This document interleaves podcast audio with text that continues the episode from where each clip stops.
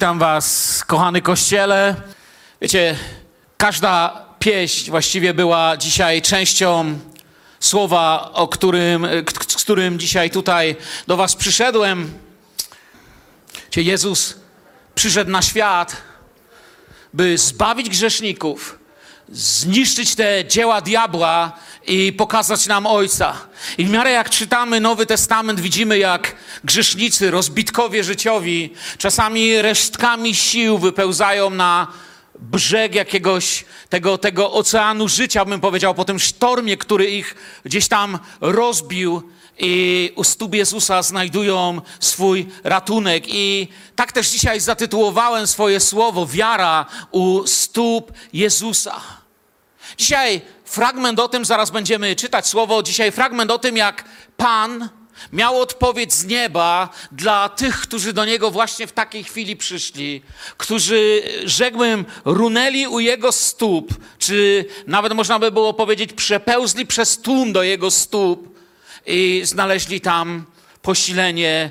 I wiecie, to słowo jakby urodziło się we mnie w tamtym tygodniu. Czytałem sobie po prostu zwyczajnie normalny, całoroczny plan czytania Biblii i jakby Pan Bóg dotknął mnie. Tak, tak, tak to mnie ruszyło, że On ma dla każdego czas, że Bóg dzisiaj ma dość uwagi, by usłyszeć Twoje wołanie. Amen że niebo jest otwarte, że, że nie usłyszymy z nieba, nie mam czasu. W swoim czasie czytałem taką książkę trochę o, wiecie, takich różnych śmiesznych anegdotach i wydarzeniach y, z życia Żydów w dwudziestoleciu międzywojennym. I tam było coś takiego, że jeden Mosze, y, Mojżesz, Mosze przychodzi do rabina i mówi, rabi, ja mam potężny problem z moja żona. Wszystkie pieniądze przepuszcza. U mnie jest na odwrót w domu.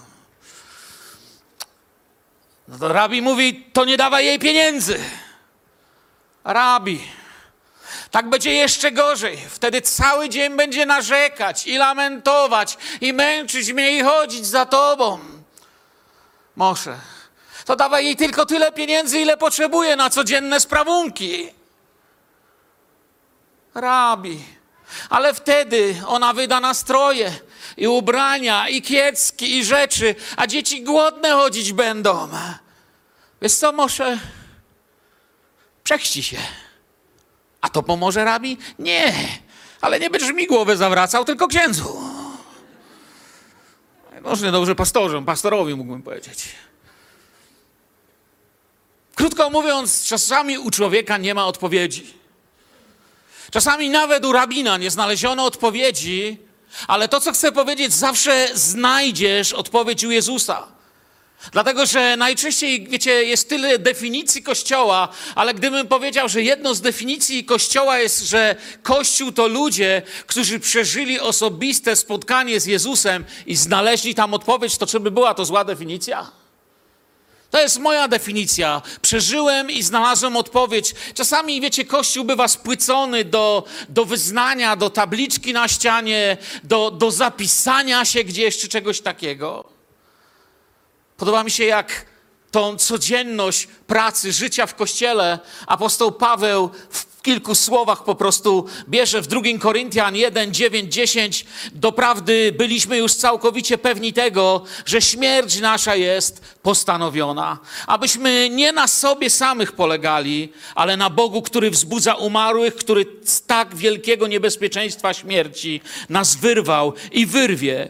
W nim też nadzieję pokładamy, że i nadal wyrywać będzie. Gdzie momentalnie ten werset mi się skojarzył. Jezus Chrystus wczoraj i wczoraj, dziś i na wieki wyrwał, wyrwie i wyrywał będzie nasze życie. Nasze życie będzie ratował i prowadził. I zobaczyłem właśnie w tym tygodniu słowo, że na Boga, że, że, że spotkanie z Bogiem jest piękne wtedy, kiedy na Boga bardzo się czeka, gdy spragnione serce spotyka spragnionego Boga, bo Bóg również pragnie, byśmy Go pragnęli. Bóg pragnie, byśmy Go kochali. Bóg kocha i chce być kochany przez nas. To jest Jego pragnienie relacji z ludźmi. Innymi słowami, z całego serca chce przeżyć realność Jezusa. I On też bardzo chce dotknąć mojego życia. Zobaczyłem ten osobisty element. Nie tylko tłum tłoczący się, nie tylko to, że wszyscy śpiewamy tu, ale że w każdym z Was oddzielnie. Teraz mógłbym poświęcić następne pół godziny i iść od jednego do drugiego z Was i do każdego z Was podchodzić i mówić Ciebie, Ciebie, Ciebie i Ciebie i Ciebie i tak dalej, że każdego z Was Jezus osobiście chce dotykać, musi dotknąć Ciebie. Nie jesteś dla Niego kimś, kto się zgubił tu w tłumie. Czasami, wiecie, ludzie myślą, że ich widziałem. Zdarzało mi się już, że y, dzwonię do kogoś i go pytam, czemu nie byłeś na nabożeństwie? On mówi, jak głosiłeś kazanie, patrzyłeś na mnie. No wiesz co, nie, nie patrz na to, na co patrzy kaznodzieja. To by się wydawało, że ja, ja cię nie widziałem w ogóle, ja to wiesz, ale Bóg tak nie widzi. Moja percepcja nie jest w stanie wychwycić każdego z was, ale Bóg wie o każdym z was tutaj i chce dotknąć każdego z nas. Jemu się nie pomyli nic. To nie jest tak, że on przepuścił, a ty skąd tutaj? A nawróciłem się dwa lata temu. Powaga. Nie, nic takiego się nie stanie. Wejdźmy do Marka, piąty rozdział, 22 werset i dalej. Znacie bardzo dobrze to słowo. To jest takie słowo, którego wiele razy się głosi. I przyszedł jeden z przełożonych synagogi imieniem Jair, a ujrzawszy go, przypadł mu do nóg. I błagał go usilnie, mówiąc, córeczka moja kona, przyjdź, włóż na nią ręce, żeby odzyskała zdrowie i żyła. I poszedł z nim i szedł za nim wielki tłum i napierali na niego. Kiedy prosisz Jezusa, Jezus działa. Często mówię ludziom, kiedy uczymy się modlić, kiedy mamy te, te, te spotkania nasze modlitewne, czy to jest od modlitwy ciszy, czy do modlitwy chwały, czy we wszelki sposób, który trwamy przed Panem, aby usunąć z naszych modlitw takie słowa jak zmówić, odmówić. Panie, Ty musisz, czy, czy w ogóle usunąć jakiekolwiek takie, wiecie, yy, życzeniowe słowa, a włożyć więcej słów miłosnych, więcej słów zbliżających, więcej słów yy, jakby oddających chwałę każdym naszym uczuciem, każdą naszą cząstką. My, my nie odmawiamy modlić. Lubicie słowo odmówił modlitwę? To trochę tak brzmi, jakby ktoś powiedział, idźcie pięć razy zmówić coś. Ja nie chcę niczego zmawiać. Ja, ja tęsknię za relacją. Niech nasza wiara prowadzi nas przed oblicze Jezusa. To jest pierwszy wniosek, który dzisiaj chcę wyciągnąć z tego kawałka, który właśnie przeczytałem. Niech Twoja wiara, masz wiarę, Wierzysz w to, co Jezus dokonał na krzyżu Golgoty. Wierzysz w to, co się tam dla ciebie stało, że odpuścił Twoje grzechy. Jeżeli jesteś tu pierwszy raz, chcę Ci powiedzieć, możesz się dowiedzieć więcej, jeśli podejdziesz do dowolnej osoby tutaj, czy podejdziesz do któregoś z duszpasterzy. Jezus odpuścić chce każdy Twój grzech. Jezus chce odnowić Twoje życie. Niech na wiara prowadzi nas przed oblicze Jezusa. Nasza wiara nie prowadzi nas do jakichś tam naszych zwycięstw, do jakichś tam naszych sukcesów. Niech nas prowadzi przed oblicze Jezusa dla Jego chwały. Amen. On nie wspomina o tym, że jego ostatnia wizyta w synagodze zakończyła się związaniem spisku na jego życie. Przepraszam, ty jesteś przełożony synagogi? Bo on padł do jego stóp. Wiesz co, ja byłem ostatni raz w synagodze. Ale tym się to skończyło dla mnie, że zawiązaliście spisek na moje życie. Kiedy czytamy Ewangelię Marka, zobaczycie to, to tam. Tak to się skończyło dla Jezusa. I teraz oto Jezus jest w innym miejscu i przełożony z synagogi pada i mówi: Panie, przyjdź do mnie do domu. Jezus nie zamierza dotykać synagogi zemstą. Jezus widzi człowieka i na prośbę tego człowieka rusza w kierunku tego domu, rusza w kierunku domu przełożonego synagogi i nagle po drodze się zatrzymuje. I nasza historia toczy się dalej, 25 werset i dalej, a niewiasta, która od 12 lat miała krwotok, i dużo ucierpiała od wielu lekarzy i wydała wszystko, co miała, a nic jej nie pomogło. Przeciwnie, raczej jej się pogorszyło. Gdy usłyszała wieści o Jezusie, podeszła w tłumie z tyłu i dotknęła szaty Jego. Niewiasta, która usłyszała, a wiara rodzi się ze słuchania, słuchania Słowa Bożego. Wiara wyróżnia człowieka z tłumu. Gdybyśmy dzisiaj wszyscy tylko się tu zebrali, bylibyśmy tłumem, ale dlatego, że zebraliśmy się jako ci, którzy doświadczają Jezusa, pragną Jego błogosławieństwa nad swoim życiem, domem, ewangelizacją, służbą, tym, kim jesteś. Nasza wiara wyróżnia nas z tłumu. I wiecie, kiedy masz wiarę, gorącą wiarę w Jezusa, coś wam chcę powiedzieć. Usłyszcie mnie teraz. Nie jesteście tłumem, ale jesteście dziećmi Bożymi. Co wy na to? Amen. Jesteście dziećmi Bożymi. Bez wiary jest się tłumem, z wiarą jest się kościołem, jest się dziećmi Bożymi. I dalej ta kobieta mówi, Marek 5, 28 i dalej, bo mówiła, jeśli się dotknę choćby szaty Jego, będę uzdrowiona. I zaraz ustał jej krwotok i poczuła na ciele, że jest uleczona z tej dolegliwości. A Jezus, poznawszy zaraz, że z niego moc uszła, zwrócił się do ludu i rzekł: Kto się dotknął szat moich? A wiem, że Jezus to powiedział nie dla siebie, wiecie. Jezus wiedział, co ludzie myślą nawet, a co dopiero kto się by go dotknął. To, te słowa są dla nas. Te słowa są dla nas, byśmy się czegoś o Bogu nauczyli. To pytanie to jest pytanie nauczyciela, a nie pytanie kogoś, kto nie wie. Na to rzekli mu uczniowie, 31 werset. Uczniowie jego, widzisz, że lud napiera na ciebie, a pytasz, kto się mnie dotknął? I spojrzał wokoło, aby ujrzeć tę, która to uczyniła. Wtedy owa niewiasta z bojaźnią i drżeniem, wiedząc, co się jej stało, przystąpiła, upadła przed nim i wyznała całą prawdę. A on jej rzekł: Córko, wiara twoja uzdrowiła cię. Idź w pokoju i bądź uleczona z dolegliwości swojej. Wiara u stóp Jezusa. Wiara, która działa u stóp Jezusa. My nie wierzymy w wiarę, w wiarę. Czasami się namawia ludzi, żeby wierzyli w wiarę, w wiarę. Tylko wyznaj i będzie ci się działo. Masz swój cud na Twoim języku, wiara w wiarę. My wierzymy, że wiara wylana z sercem przed Jezusem przyniesie Boże błogosławieństwo. Amen. Ta kobieta mogłaby się, wiecie, wydawać, tak jak się to czyta, tak, tak przeczytajcie to trochę tak z boku, jak gdybyś stał na ulicy, przyglądasz się tłumy, Jezus przychodzi przełożony synagogi, pada, ściskająca serce scena, panie, ratuj, córeczka umiera, kiedy ktoś umiera, to każda karetka jedzie na sygnale. Wiecie, dlaczego karetki jeżdżą na sygnale?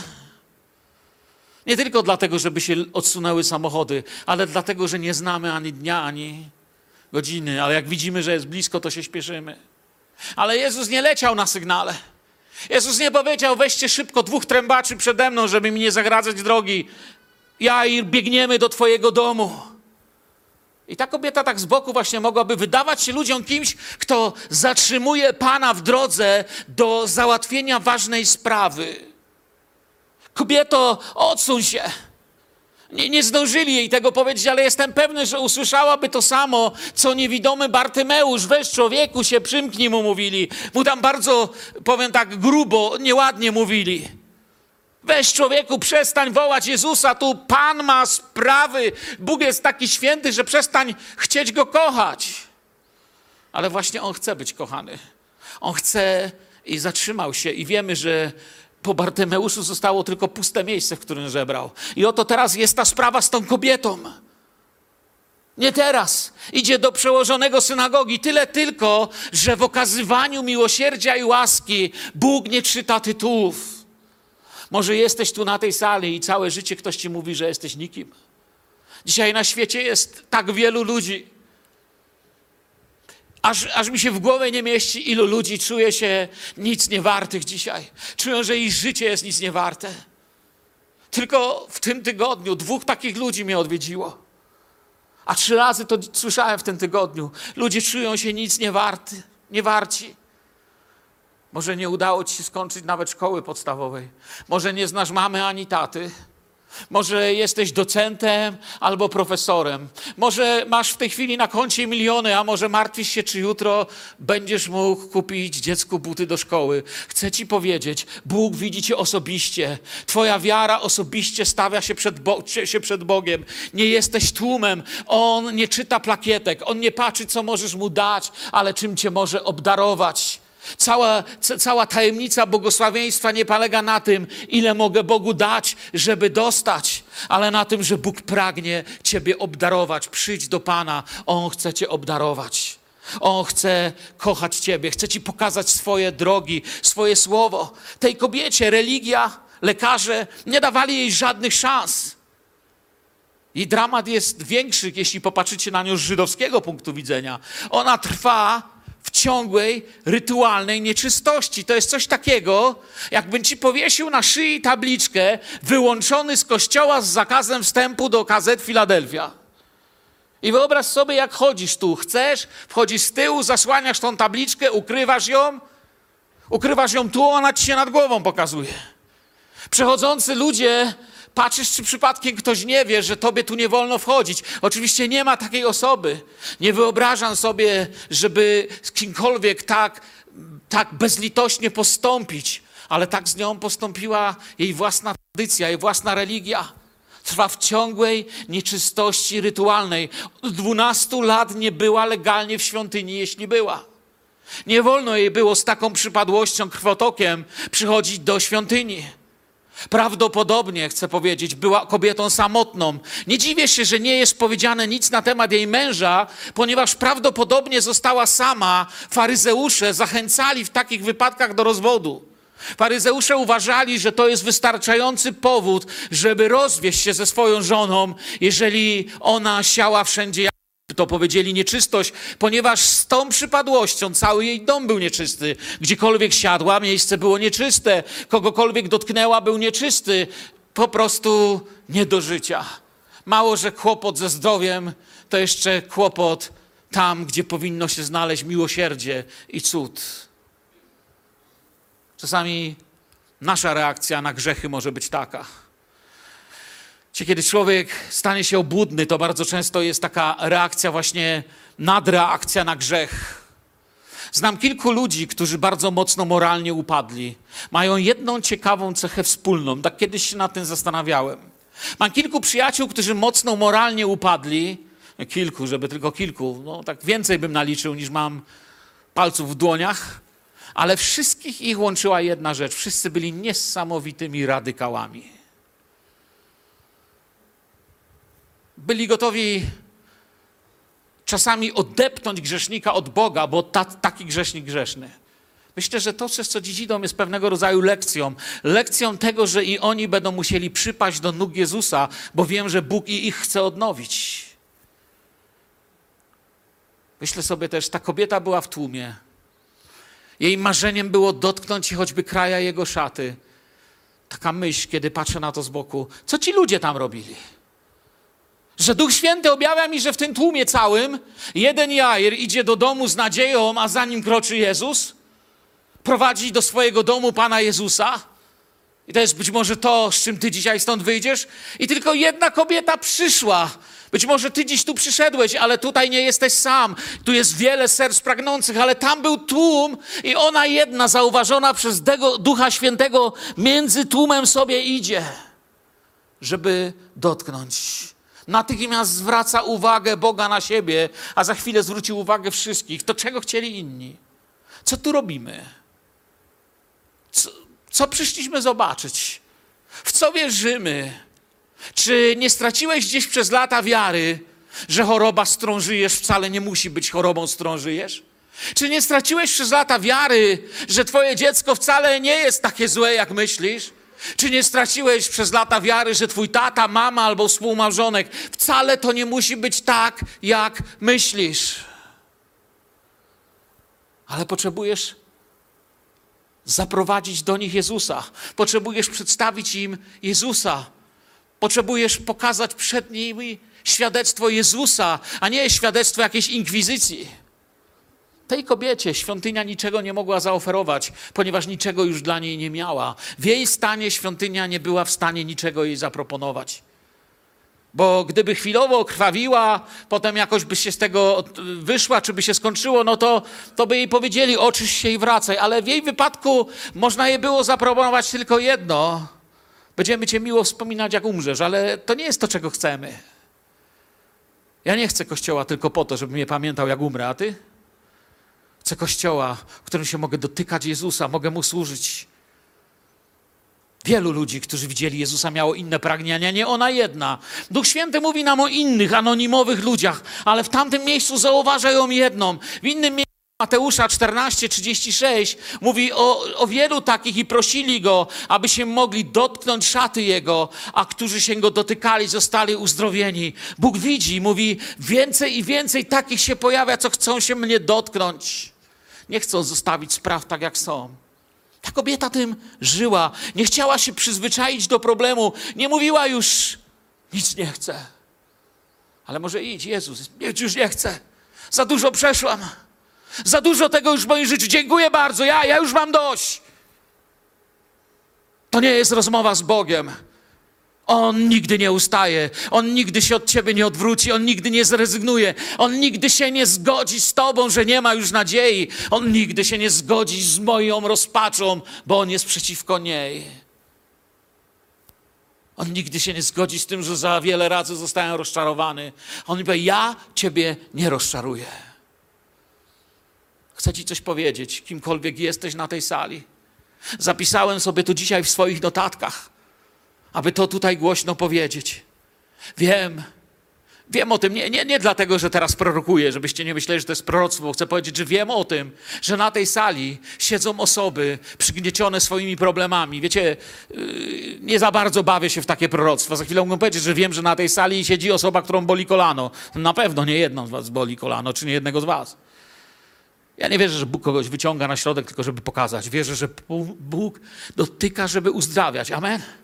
Nie go pokazywać. Ale wiem, że tu są osoby, które cierpią. Coś ważnego chcę Ci powiedzieć. Zapisałem to sobie. Niech Twoja historia problemu nie obrabuje Cię z wiary. Niech Twoja historia zmagania, bólu i problemu nie obrabuje Cię z wiary. Jeżeli zaczynasz bardziej rozmyślać, i studiować historię swojego rozczarowania i swojego bólu, to znaczy, że gdzieś po drodze porzuciłeś rozmyślanie i studiowanie Słowa Bożego bardziej niż problemu. Ja wiem, że to się tu łatwiej stąd mówi, jak sobie stoję i nic mi nie jest. Ale w życiu też byłem chory i wiem, jak ciężko czasami zostawić chorobę i skupić się na tym, że On ma dla mnie lepsze wyjście. Ale kiedy to czyniłem, to Bóg dawał mi zwycięstwo. Wiem, że to nie jest łatwe, dlatego często zachęcam ludzi, czytajcie Słowo Boże. Ja na przykład czytam taki plan czytania Biblii przez 49 tygodni całe Słowo Boże. Zachęcam Was, żebyś coś takiego sobie wszedł. To Cię będzie trzymać. Poza tym codziennie z różnych fragmentów Słowa czytasz, a więc nikt się nie znuży, bo czasami, wiecie, y, były takie osoby, które chciały prowadzić taki plan czytania Biblii, ale no, Mojżeszową pierwszą przeszli zwycięsko. Drugą Mojżeszową przeszli zwycięsko, a trzecia Mojżeszowa zwycięsko ich załatwiła. Doszli do połowy, mówią, bracie, poszedłem do Łukasza. Ja lubię ten plan, ponieważ on po trochu z każdego i te takie trudniejsze, może dla nas czasami, wiecie, niezrozumiałe rodowody, rozdziały, chociaż czasem zaczynamy pojmować, co Bóg chciał powiedzieć, im dłużej się czyta słowo, pomiędzy ciekawymi fragmentami są, chociaż aż się boję powiedzieć, że Biblia ma ciekawe fragmenty i nie, ale wszyscy to czujecie, co chcę powiedzieć, nie? Nie wszystko, e, powiem tak, nie wszystko jest ciekawe, bo nie wszystko pojmujemy. To jest ciekawe, jak, jak nam przyjdzie jakieś zrozumienie tej sprawy. W każdym razie zachęcam, miejcie taki plan czytania Biblii. Niech to was kształtuje. Niech to będzie waszym elementem rozmyślania o życiu. Nie bądź kimś, kto po prostu czyta kawałek Biblii, ale pozwól, wiecie, nie pamiętam już kto to powiedział, ale niech Biblia czyta ciebie. Nie ty Biblię, pozwól Biblii dotykać swojego wnętrza. Niech historia twojego problemu nie obrabuje cię z wiary. Dzisiaj ta kobieta miała już tylko wiarę. Czasami trzeba wszystko stracić, ktoś powiedział, też nie pamiętam autora, by zobaczyć, że wszystko, co potrzebujemy, to Jezus. Jak łatwo się mówi, wszystko stracić, by zobaczyć, że wszystko, co potrzebujemy, to Jezus. Znałem ludzi, którzy stracili wszystko. I wcale tak łatwo to nie wyglądało, jak łatwo się to mówi. Ale jest ciekawe, wielu z nich mówiło, że właśnie to musiało się stać w ich życiu. Pamiętam, jak człowiek, z którym nikt sobie nie mógł dać rady, Jeden z członków naszego zboru jeszcze w Estonii, jak pracowałem, Powiedział jedną z największych rzeczy, cudów bożych, jaki wydarzył mi się, bracie, jest to, co chłop powie, wszyscy czekali na coś bardzo takiego no, duchowego. Powiedział to, że mnie aresztowali i zamknęli do kryminału. Bo tam mi powiedzieli o Jezusie i tam się narodziłem na nowo, tam się stał prawdziwy cud mojego życia. Dla mnie kryminał to mój żłobek. Niepojęte, kiedy w ten sposób streścił 25 lat swojego życia. Streszczenie 25 okrutnych lat życia w jednym zdaniu wskazującym na Jezusa. Kobieta skradająca się do Pana. Za każdym razem, jak płaciła, miała nadzieję. Nie była jakąś biedną kobietą, chcę wam powiedzieć. To nie była, nie wyobrażajcie sobie kobiety, y, która całe życie cierpiała nędzę, głód i na pewno całe życie była żebraczką. Nie, nie, nie, nie. Jeżeli ją było stać, przez tyle lat na siebie płacić, to chcę Wam powiedzieć, patrząc na to z punktu widzenia właśnie takiego codziennego życia w tamtych czasach, w tamtej kulturze, ta kobieta musiała być tak zwanym kimś kiedyś.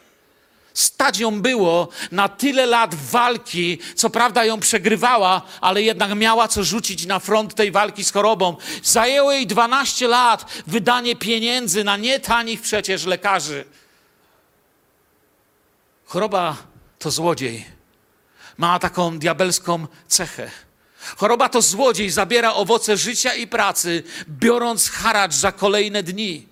Przychodzi jak największa mafia, jak największy bandyta i mówi: Jeśli będziesz płacić, to kilka następnych lat Twojego życia jako tako przeżyjesz. Ale jak nie zapłacisz, to nie przeżyjesz. I człowiek płaci czasem, leczeniem.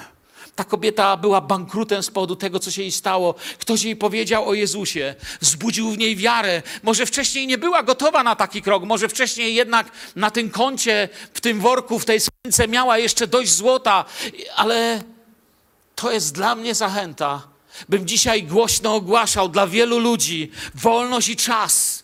Czas zbawienia, czas wolności, czas uzdrowienia. Dzisiaj jest czas zbawienia. Dzisiaj Duch Święty chce uzdrawiać. Jak mówiłem w środę, nie musimy prosić Boga o Bielsko. Bóg nam Bielsko dał. Musimy prosić o mądrość i siłę i brak lenistwa w naszym życiu do zwiastowania Ewangelii, która działa w tym mieście. Amen. My nie agitujemy, my świadczymy. I pamiętajcie, na ciebie też Bóg czasami długo czekał. Nie patrz nigdy na grzesznika z obrzydzeniem.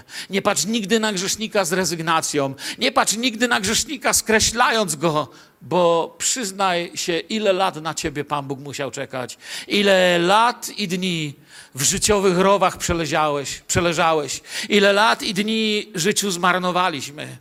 A On spokojnie czekał, czekał i kochał. I dzisiaj chce ciebie nauczyć.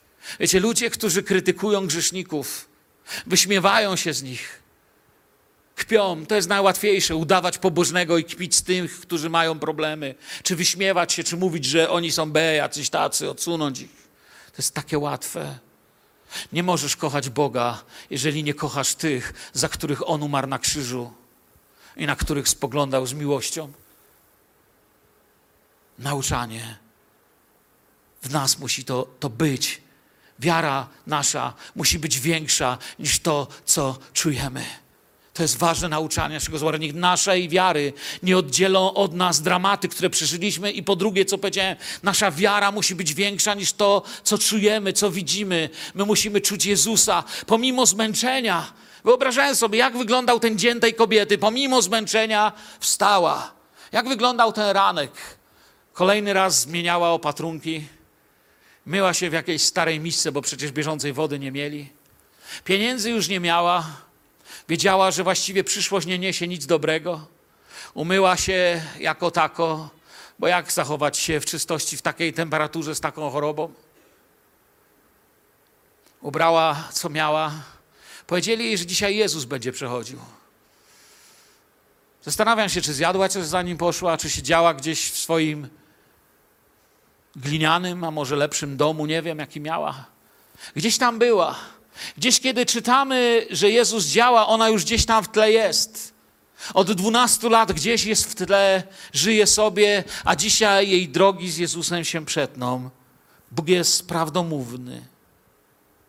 Ja nie wierzę w coś tam, wierzę w Słowo Boże. I On mi to dzisiaj daje, bym spojrzał na tą biedną osobę i zobaczył coś dla siebie. Poszła wbrew temu, co czuła. Wbrew temu, jak się czuła. I 35 werset opowiada nam, a gdy jeszcze mówił, nadeszli domownicy przełożonego synagogi. O czym mówił? Mówił o tej kobiecie, wskazywał ją. Córko, wiara twoja cię uzdrowiła. Jeśli córka twoja umarła, czemu jeszcze trudzisz nauczyciela? Twoja wiara cię uzdrowiła. Przepraszam, mamy wiadomość, możemy na chwilkę przerwać? Co się stało? Nie trudź nauczyciela. Córka twoja umarła. Czemu jeszcze trudzisz nauczyciela? I 36 werset. Ale Jezus usłyszał, mówili, rzekł do przełożonego synagogi. Nie bój się, tylko wierz. Widzicie te dwa głosy teraz? Widzicie to zmaganie tam na tej drodze? Nie trudź nauczyciela, wracaj do domu. I w naszym życiu to jest cichy głos Ducha Świętego, a tam jest spokojny głos Jezusa. Nie bój się. Wierzysz? Ale nie ma po co iść. Nie, nie, idziemy dalej do Twojego domu. Idziemy dalej. Ale wszyscy, nie słuchaj wszystkich, wierzysz? Ale wszyscy mówią, to niech mówią. Nie bój się, tylko wierz. I nie pozwolił nikomu iść z sobą, z wyjątkiem Piotra, i Jakuba, i Jana, i, i brata Jakuba. Przepraszam, i, i Jana, brata. I przyszli do domu przełożonego synagogi, gdzie ujrzał zamieszanie i płaczących, i wielce zawodzących. A wszedłszy, rzekł im, czemu czynicie zgiełk i płaczecie? Dziecię nie umarło, ale śpi. I wyśmiali go. Ale on usunąwszy wszystkich, wziął z sobą ojca i matkę dziecięcia i tych, którzy z nim byli i ująwszy dziewczynkę za rękę, rzekł jej talita kumi, co znaczy dziewczynko, mówię ci wstań. I zaraz dziewczynka wstała i chodziła, miała bowiem 12 lat i wpadli w wielkie osłupienie i zachwyt. I przykazał im usilnie, aby się o tym nikt nie dowiedział i powiedział, aby jej dano jeść. Idą do córki. Spróbujcie się jeszcze skupić. Idą do córki Jaira. Zatrzymuje ich kobieta, która sprawia, że Jezus jest nieczysty. Nie wiem, czy sobie zdajemy z tego sprawę. Dotyka się Jezusa. Gdyby Jezus był zwykłym rabinem, prawdopodobnie odskoczyłby i krzyknąłby: Kobieto, co ty mi zrobiłaś? Pamiętacie, mówiłem wam kiedyś o grobach pobielanych. Dlaczego pobierali groby? Żeby ktoś niechcąco na nich w nocy przez pomyłkę nie przysiadł albo nie położył się tam spać, rano się obudził w drodze do świątyni, szedł od trzech dni i nagle się budzi w drodze do świątyni na grobach i teraz nie może już do tej świątyni wejść, ponieważ jest nieczysty, więc je pobielano, aby się ludzie trzymali z daleka, kiedy wędrowali przez pustynię do świątyni. A tutaj to dotyka Jezusa. Zatrzymuje kobieta, która sprawia, że Jezus jest nieczysty. Pomyślałem, czy Jair zdążył coś pomyśleć, czy nie zauważył, czy jeszcze będzie chciał Jezusa, ale nie zdążyło się w ogóle rozpocząć żaden dialog tego typu, bo Jair chwilę później już był tym, który wiedział, że kobieta w jej stanie reprezentuje to, co jest u niego w domu. Ale zanim to się stało, Jair był też tym, który wiedział, że kobieta w jej stanie nie powinna znajdować się w tłumie. Również zajmował takie stanowisko w synagodze, że to właśnie on wydawałby wyrok na tą kobietę, gdyby została pochwycona w tym stanie w tłumie. Gdyby ją pochwycili, że nieczysta jest i zanieczyszcza miejsce modlitwy, zanieczyszcza miejsce czytania tory, zanieczyszcza ludzi, to właśnie Jair, jako przełożony synagogi, być może, bo przełożonych było więcej, byłby jednym z tych, który wydawałby wyrok na tą kobietę. Czujecie, co się zaczyna tam dziać na tej drodze? A ona dotyka Jezusa, Jezus staje się rytualnie nieczysty. Znaczy Jezusowi to nie szkodziło, On trędowatych mógł dotykać, bo On nasze choroby poniósł, On nasze grzechy zgładził, On jest barankiem Bożym, On oczyszcza, ale, ale oni tego wszystkiego nie wiedzieli, co my dziś wiemy. I to dopiero się wtedy działo. My patrzymy na to z przeszłości. On mógł wystąpić o poważne ukaranie jej za wejście w tłum. Tyle, że jak powiedziałem, miał w domu chwilę później podobny problem. Dlatego, że to nie jest jakaś wielka troska, nie truć nauczyciela. To była pewna delikatna sugestia. Nauczyciel już nie może iść do Twojego domu, ponieważ w Twoim domu znajduje się martwy człowiek. Jeżeli Jezus dotknie martwego, to, to będzie nieczysty. Tyle tylko, że według nich już jest nieczysty. Bo ktoś martwy jest równie nieczysty, jak ktoś chory na tą chorobę. Są tak samo nieczyści. I dowiedział się dokładnie, dowiedział się o tym dokładnie w tym momencie, gdy mógłby pomyśleć to myśl, która przychodzi na, na chciałem powiedzieć, to myśl, co przychodzi na myśl, to myśl, która się pojawia. Czemu zatrzymujesz Jezusa, kobieto? Przecież on się śpieszy. Jak powiedziałem, Bóg nie jedzie na sygnale. Bóg ma na wszystko swój czas. Wiecie, co jest piękne w Jezusie? Zauważyliście, że Jezus nigdy się nie śpieszył? Nie ma takiego wersetu, gdzie Jezus mówi szybko, szybko, no, szybko, bo nie zdążymy. Nie ma takiego wersetu, gdzie Jezus mówi, słuchaj, od trzech dni normalnie nie śpię, no nie mam czasu na nic. Są takie wersety, gdzie pisze, że mają mało czasu, że nie zdążyli nawet chleba zjeść. Ale Jezus nigdy na to nie narzekał. Ona go nie zatrzymała, wszystko miało się stać. Ja się nie dziwię, że ona w ukryciu podchodziła, bo ona wiedziała, co ją może spotkać, bała się takiej oceny. Przecież nie wiedziała, nie czytała historii o kobiecie uzdrowionej z krwotoków Biblii, tak jak my, bo ona nią była. A gdy jeszcze mówił, mówił o wierze, która wszystko zmienia, przyszli ludzie i mówią, że już nic zmienić się nie da. Parafrazując Hebrajczyków, pierwszy 11.1, pierwszy werset 11 rozdziału. Jak na to popatrzymy? Oni mówią, że nic się już nie da, już dalej nie truć nauczyciela. A ta parafraza we mnie brzmi, bo werset znacie na pamięć, ja go chcę sparafrazować. Nasza wiara to jest żyjąca w nas pewność tego, czego się spodziewamy od Boga, przeświadczenie o tym, czego nie widzę, ale wiem, że Bóg obiecał, że się stanie. Amen. To jest moja wiara. 12 lat chorowania, kobieta. 12 lat życia, dziewczynka. 12, 12, niezwykła liczba dla Izraela nawet. 12 lat chorowania, 12 lat życia, aż 12 lat chorowania, tylko 12 lat życia. Dwie dwunastolatki, jedna 12 lat pacjentką, druga 12 lat na tym świecie. I teraz jedna doznaje łaski, a o drugiej słyszymy, że już jej nie ma, że wszystko, czym była, przeminęło. Faryzeusze i religijny system nic tu nie pomoże. Faryzeusze w tamtym czasie mieli już prawie dwustuletnią tradycję istnienia. Istnieli już około 200 lat. Pomimo posiadania Biblii, nie takie jak wy macie dzisiaj, ich Biblia to była Tanach, to był Tanach, przepraszam, czyli Tora, Nevim i Ketubim, czyli Tora, prorocy, pisma i prorocy. Pomimo posiadania Starego Testamentu, my byśmy powiedzieli, oni tak nie nazywali, pomimo nazwy faryzeusze, od słowa perushim, czyli oddzieleni, odłączeni. Krótko mówiąc, żeby nie powiedzieć o sobie święci.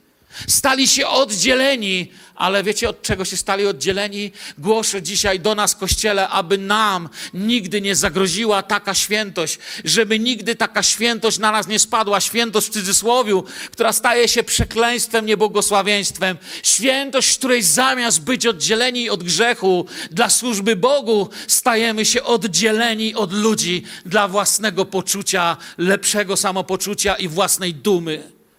To żadna wolność, żadna świętość. A przecież na początku faryzeusze chcieli dla Boga. Nie myślcie, że od razu byli tym, czym dzisiaj jest słowo faryzeusz. Wtedy to było bardzo ważne słowo. To, był, to było, mój syn jest faryzeuszem, matki się chwaliły. Ale to ciągle jest zagrożeniem. Nosili swoje szaty, długie szaty, z długimi frędzlami, ale całkowicie zapomnieli, dlaczego je noszą. Jezus powiedział, że chętnie je wkładają, frędzle przedłużają, ale oni zapomnieli po co. Dawno temu Jahwe przemówił do serc, którzy go kochają. Nie musicie szukać tego fragmentu, nie będziemy go czytać, tylko żebyście wiedzieli. Powiedział do Mojżesza, by przemówił do synów izraelskich i powiedz, żeby oni, ich potomkowie, porobili sobie frędzle na skrajach swoich szat, umieścili sznurki z fioletowej purpury Pan mówił do nich, będziecie mieli takie frędzle. Cicit to było. To się nazywało. Po co? Abyście, gdy, gdy na nie spojrzycie, przypomnieli sobie wszystkie przykazania Jahwe. i abyście je pełnili, a nie dali się zwieść swoim oczom, które was prowadzą do bałwochwalstwa, abyście pamiętali i wypełniali wszystkie moje przykazania i byli świętymi Boga waszego. Po to to macie nosić. I to będzie wtedy świętość. Będziecie wtedy przemieniać świat. Ale oni zapomnieli zupełnie. Jezus idzie dalej, wchodzi na uroczystość wręcz żałobną, pełną rozpaczy. Zaraz wrócę do tych frędzli, ale chcę przesunąć na sytuację, aby zaraz się z wami modlić. Ludzie śmiali się z Jezusa. Oni wierzą tylko w to, co sami mogą. I zaczęli się z Niego śmiać. Kiedyś wam opowiadałem, chyba już tutaj, jak mój kolega przyszedł, jeden z pastorów, zrozpaczony, mówi: Mirek, mieliśmy dziwne wydarzenie na modlitwie dzisiaj. Przyszedł człowiek, który powiedział, że znajomemu z jego pracy tramwaj obciął nogę i żebyśmy się pomodlili, żeby ta noga odrosła. Po prostu facet, jak z gruszki, z pietruszki spadł. Ani nasz zborownik, ani nie wiadomo kto. To pierwszy raz w życiu przyszedł, wszedł na salę i mówi, słuchajcie, znajomemu nogę tramwaj obciął, moglibyście się pomodlić, żeby mu odrosła, myśmy się wszyscy zaczęli śmiać. Po trzech sekundach mnie zmroziło, co my robimy. Słyszycie mnie, co mówię? Złapaliście to? Co on złapał? Mówi, po trzech sekundach zrozumiałem, gdzie my jesteśmy tak naprawdę. On nas zaskoczył, zaskoczył naszą wiarę, zaskoczył nasz prawdziwy duchowy stan na tej modlitwie. Jeśli ktoś mnie zrozumiał, myślę, że złapał, o co mi chodzi. Że, że, że, że chcemy wyznaczać Bogu, w co można wierzyć. Oni wierzyli w to, co sami mogą. Jezus wchodzi na uroczystość żałobną, słyszy na, narzekanie. Wiecie, co to jest narzekanie? Nie wiem, czy ktoś z Was narzeka. Narzekanie to odgłos bankructwa. Tak brzmi bankructwo. Świat dziś jest pełny zawodzących, płaczących i wyśmiewających Jezusa ludzi. Nic się nie zmieniło, nic się nie zmieni. Nadal nikt nie wierzy, że On coś zmieni. Oto dom, w którym uznano, że za późno na Jezusa. Oto świat, w którym żyje dziesiątki ludzi, którzy uznali za późno na Jezusa. Oto być może Ty dzisiaj tutaj, ukryty w tłumie i też sobie to samo myślisz. Za późno w moim domu na Jezusa. Kiedyś w moim domu były spotkania grupy domowej. Dzisiaj w moim domu już tego nie ma. Kiedyś w moim domu to, kiedyś w moim życiu było to, a dziś tego nie ma. I wymieniasz piękne rzeczy, bo te duchowe, dobre chwile zawsze są najlepszymi wspomnieniami naszego życia. Większość ludzi, Jezus wyprasza spokoju, zostawia tych, którzy wierzą i których to dotyczy. Bo w drodze z Jezusem widzi się niezwykłe rzeczy. Świat tego pojąć nie może, więc wyprasza. Kościół to ogląda. I Słowo Boże posila naszą wiarę o Bożym zwycięstwie nad demonami. To jest czwarty rozdział Marka. Jakbyście to czytali, to byście zobaczyli. Tam mamy opętanego. U Mateusza dwóch. Jezus wygania demony. A w tym rozdziale piątym, z którego ja dziś głoszę, mamy zwycięstwo nad chorobą i nad śmiercią. Diabeł, śmierć, choroba. Te Dwie historie pokazują, że nikt dla Boga nie jest nieważny, że nigdy nie jest za późno, aby Jezus przyszedł w nasze życie. Nigdy nie jest na świecie za dużo problemów, aby Jezus rozwiązał Twój. Oto ktoś traci 12 lat szczęścia, bo traci córeczkę. Ktoś dochodzi do końca 12 lat cierpienia. Jezus ma zawsze odpowiedź. Jezus czyni tu różnicę. Dwóch ludzi z różnych światów, z różnej przeszłości znajdujemy dzisiaj u stóp Jezusa a zaproszenie jest dzisiaj dla Ciebie do stóp Jezusa. Takim ma być Kościół. Kościół to miejsce, gdzie nie śmiejemy się z tych, co padli zbankrutowani u stóp Jezusa. Amen? Kościół to miejsce, gdzie ich posilamy, gdzie mówimy im, że przeżyliśmy to samo. Jezus nie przyszedł po tłum, przyszedł po Kościół. Jest dotykanie mimowolne i jest dotykanie świadome, jest tłok i jest dotknięcie. Nie chodzi o tłum, ale chodzi o relacje. Nadal pozostaje osobista. Ty tutaj nie jesteś jednym z wielu, jesteś Bożym dzieckiem pośród Bożych dzieci. Nas nie może łączyć przeszłość wspólnego poczucia winy, wspólne przyznawanie się do grzechów, to jeszcze nie Kościół. Nie może nas łączyć wspólna mrzonka, wspólne marzenia, to jeszcze nie Kościół. Nie może nas łączyć wspólne rozczarowanie czy zawody życiowe, to nie zbuduje Kościoła. Łączy nas wspólne spotkanie cudu, cudu u stóp Jezusa. Amen. Jestem cudem, wiecie o tym? Patrzycie na mnie, patrzycie na cud, ale to nie tylko ja. Na tej sali siedzi prawdopodobnie w tej chwili około 500 osób i każdy z was mógłby tu dziś wyjść i powiedziałbym, zobaczcie, cud. I cud opowiedziałby o cudzie. Jest ten cudem, który może opowiedzieć o paru cudach. Jesteś cudem, który może opowiedzieć albo będzie mógł opowiedzieć o paru cudach. Bóg Twoje życie chce dotknąć osobiście. Najpiękniej łączy nas i czyni Kościół dotknięcie Jezusa. Bo wiara opiera się tylko na Jezusie. Chcę Ci powiedzieć, jeśli kiedyś w życiu będziesz podsumowywał swoje życie, to wiesz, jakie lata nazwiesz najlepszymi latami w swoim życiu? Oczywiście powiesz młodość. Powiem tak, najlepsze lata kiedyś, które będziesz wspominał, powiesz, najlepsze lata mojego życia, to były te, które duchowo w moim domu były najlepsze, to powiesz.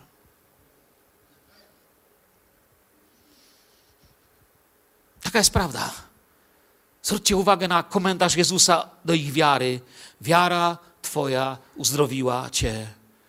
Nie bój się, tylko wierz. Z tą wiarą wchodź. Od świata usłyszeli dwie rzeczy. Nie da się, a poza tym pani już nie ma pieniędzy. Albo nie trudź już nauczyciela. Ale zobaczyli dwa ważne gesty dzisiaj i my je musimy zobaczyć. Jeśli się dotknę. W wersecie od 27 do 31 aż cztery razy jest wymieniony dotyk. Jeśli się dotknąć, jeśli się go dotknę.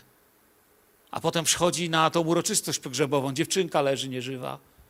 Wziąwszy dziewczynkę za rękę, po raz drugi staje się nieczysty dla świata. Religia mu tego nie wybaczy. Mało, że go dotyka kobieta chora na krwotok. Bierze to na siebie. Dotyka dziewczynka, która jest martwa, znów nieczysty. I dzieje się cud. To opowieść o tym, jak ojciec stracił córkę, a właściwie dwóch ojców. Pierwszy ojciec to jest Jair, który stracił swoją córeczkę, ale drugi ojciec, który jest w tej historii troszkę z tyłu i się nie odzywa, to jest Bóg, który nie dopuścił do utraty tych dwóch swoich córek. I trzecie to jest prorocze wołanie, że Bóg nie dopuści do utraty dzieci z Izraela. Bóg nie dopuści do utraty żadnego ze swoich dzieci. To jest bardzo głęboka historia. Faryzeusze nie byli w stanie pomóc. Obrażeni poszli, a ich frędzle poniewierały i dotykały piachu, coraz to dłuższe, coraz to dłuższe. Ale proroctwo o frędzlach, zwanych też, jak powiedziałem, skrzydłami czasami, spełni się. Wiecie, kiedy się spełni? Za niedługo cały świat będzie o tym śpiewał. Ale wy macie to już dzisiaj. Dla was, tak mówi Pan, przez starotestamentowego proroka. Ale dla was, którzy boicie się mojego imienia, wzejdzie słońce sprawiedliwości z uzdrowieniem na swoich skrzydłach i będziecie wychodzić z podskakiwaniem, jak cielęta wychodzące z obory. Jak ktoś widział, to wie, o czym Pan mówi. Wzejdzie słońce sprawiedliwości z uzdrowieniem na skrzydłach. To jest najlepszy opis szaty modlitewnej, jaką sobie możecie wyobrazić. Bóg dotknie każdego, czas leci, ale Bóg nigdy nie przychodzi za późno. Dzisiaj Bóg może przyjść do ciebie. Ile razy słyszałem, jak ktoś powiedział już za późno dla Boga. Chcę cię dzisiaj poprosić do modlitwy. Nie jest za późno dla Boga, dla tych, których kochasz, ani dla ciebie. To nie jest Boża opinia, że jest za późno. To jest nasza herezja. Gdy my stajemy nad grobem, mamy tylko słowa o tych, którzy umarli. Kiedyś wam opowiadałem, jak chcieliśmy się modlić o jedną chorą dziewczynę. Niedawno, nie będę się powtarzał, ale mnie uderzyło, że ludzie, niektórzy zaczęli po prostu sobie masowo, wiecie, z rzędów wychodzić z Boże. Zatrzymałem i wtedy mówię, ludzie, kobieta tu płacze, potrzebuje, a my po prostu idziemy dalej, gdzieś dalej, gdzieś dalej. I pamiętam, jakoś to był taki chwil, to było takie momentum, taki moment. Wszyscy wrócili, modliliśmy się, ona jest uzdrowiona, do dzisiaj żyje. Bo mówię, co potem staniemy i powiemy, że upodobało się Panu? Jak ja wiem, że Bóg ma coś więcej. Kiedy my stajemy nad grobem, możemy powiedzieć tylko słowa o tych, co umarli. Kiedy Jezus staje nad grobem, On nie mówi o tych, co umarli, ale mówi do tych, co umarli. Tak będzie z nami, tak było z tamtymi. Gdy świat patrzy na Kościół, mówi coś o Bogu. Gdy Kościół patrzy na świat, mówi coś od Boga. Ten sam głos, który podniósł zmarłego syna wdowy z. Ten sam głos, który podniósł córkę Jaira. Ten sam głos, który wywołał Łazarza z grobu, znów zawoła po imieniu, bo ja wiem, że odkupiciel mój żyje i jako ostatni nad prochem stanie, wyznaje Hiob w najtrudniejszym momencie swojej próby. Ale to nie będzie mowa pogrzebowa. To będzie zwycięstwo w Jezusie. Chcę dziś poprosić Was o dwie rzeczy, żebyście szczerze, szczerze, szczerze, z całego serca zrobili dwie rzeczy. Jedną z dwóch rzeczy. Ci z Was, którzy dzisiaj mają dobry czas, czują się napełnieni, błogosławieni, wypoczęci w Panu, żebyście z całej siły serca i miłości, jaką obdarzacie Kościół, pomodlili się o tych, których chcę zaprosić tu na środek. O tych, którzy o kogoś albo o coś płaczą. O tych, którzy macie ciągle w domu, w rodzinie nierozwiązane sprawy z chorobą. Wiecie, że Jezus dziś jest lekarzem? O tych, którzy macie sprawy nierozwiązane z waszymi dziećmi, rodzicami, współmałżonkami. Panie, już mi łez brakuje. Nam dziś nie braknie modlitwy. Po to tu jest Kościół. Po to są starsi zboru. Po to są duszpasterze, byśmy się o was pomodlili. Wstańmy, aby dzisiaj się modlić. Powstańmy. I aby nie zajmować więcej czasu niż trzeba. Potrzebujesz dziś modlitwy. Potrzebujesz powiedzieć, Panie, wołam do Ciebie, padam dziś u Twoich stóp. Chcemy stanąć z Tobą. Przyjdź tu, będziemy się modlić. Poproszę starszych zboru, poproszę ludzi z służby modlitewnej, liderów grup domowych, liderów modlitwy, abyście podchodzili do tych, którzy tu wychodzą na środek. Zobaczcie, są ludzie. Ich wyjście mówi nam jedno: wierzę, że jestem w domu modlitwy. Wierzę, że w tym miejscu mnie kochają i się będą o mnie modlić. Amen? Mamy to, Filadelfia? Mamy to, mamy to dla nich, bo dziś ludzie potrzebują modlitwy. Ojcze, stajemy dzisiaj przed Tobą i wiemy, że dzisiaj jest dzień, kiedy Ty działasz. Wiemy, że dzisiaj jest dzień, kiedy Ty będziesz uzdrawiał. Wiemy, że dzisiaj jest dzień, kiedy będziesz pocieszał, posilał i rozwiązywał problemy ludzi. Panie, my nie jesteśmy kościołem, który się uczyć teorii. I też wiem, że nie teorii chcesz nas uczyć, ale chcesz dotykać się życia każdego z nas. Tęsknię za Tobą, Panie, jak sucha ziemia za deszczem. Takie jest wołanie wielu z nas, wielu naszych serc. Dziękujemy Tobie. Dziękujemy Tobie, że Twój Duch Święty jest dany Kościołowi, że dzisiaj możemy usługiwać w tym darze, Panie, ob, obdaruj dzisiaj darem uzdrowienia, uwolnienia, pocieszenia i słowa mądrości i napomnienia Twój Kościół, abyśmy mogli się posilać. Niech płynie modlitwa. Halleluja, halleluja.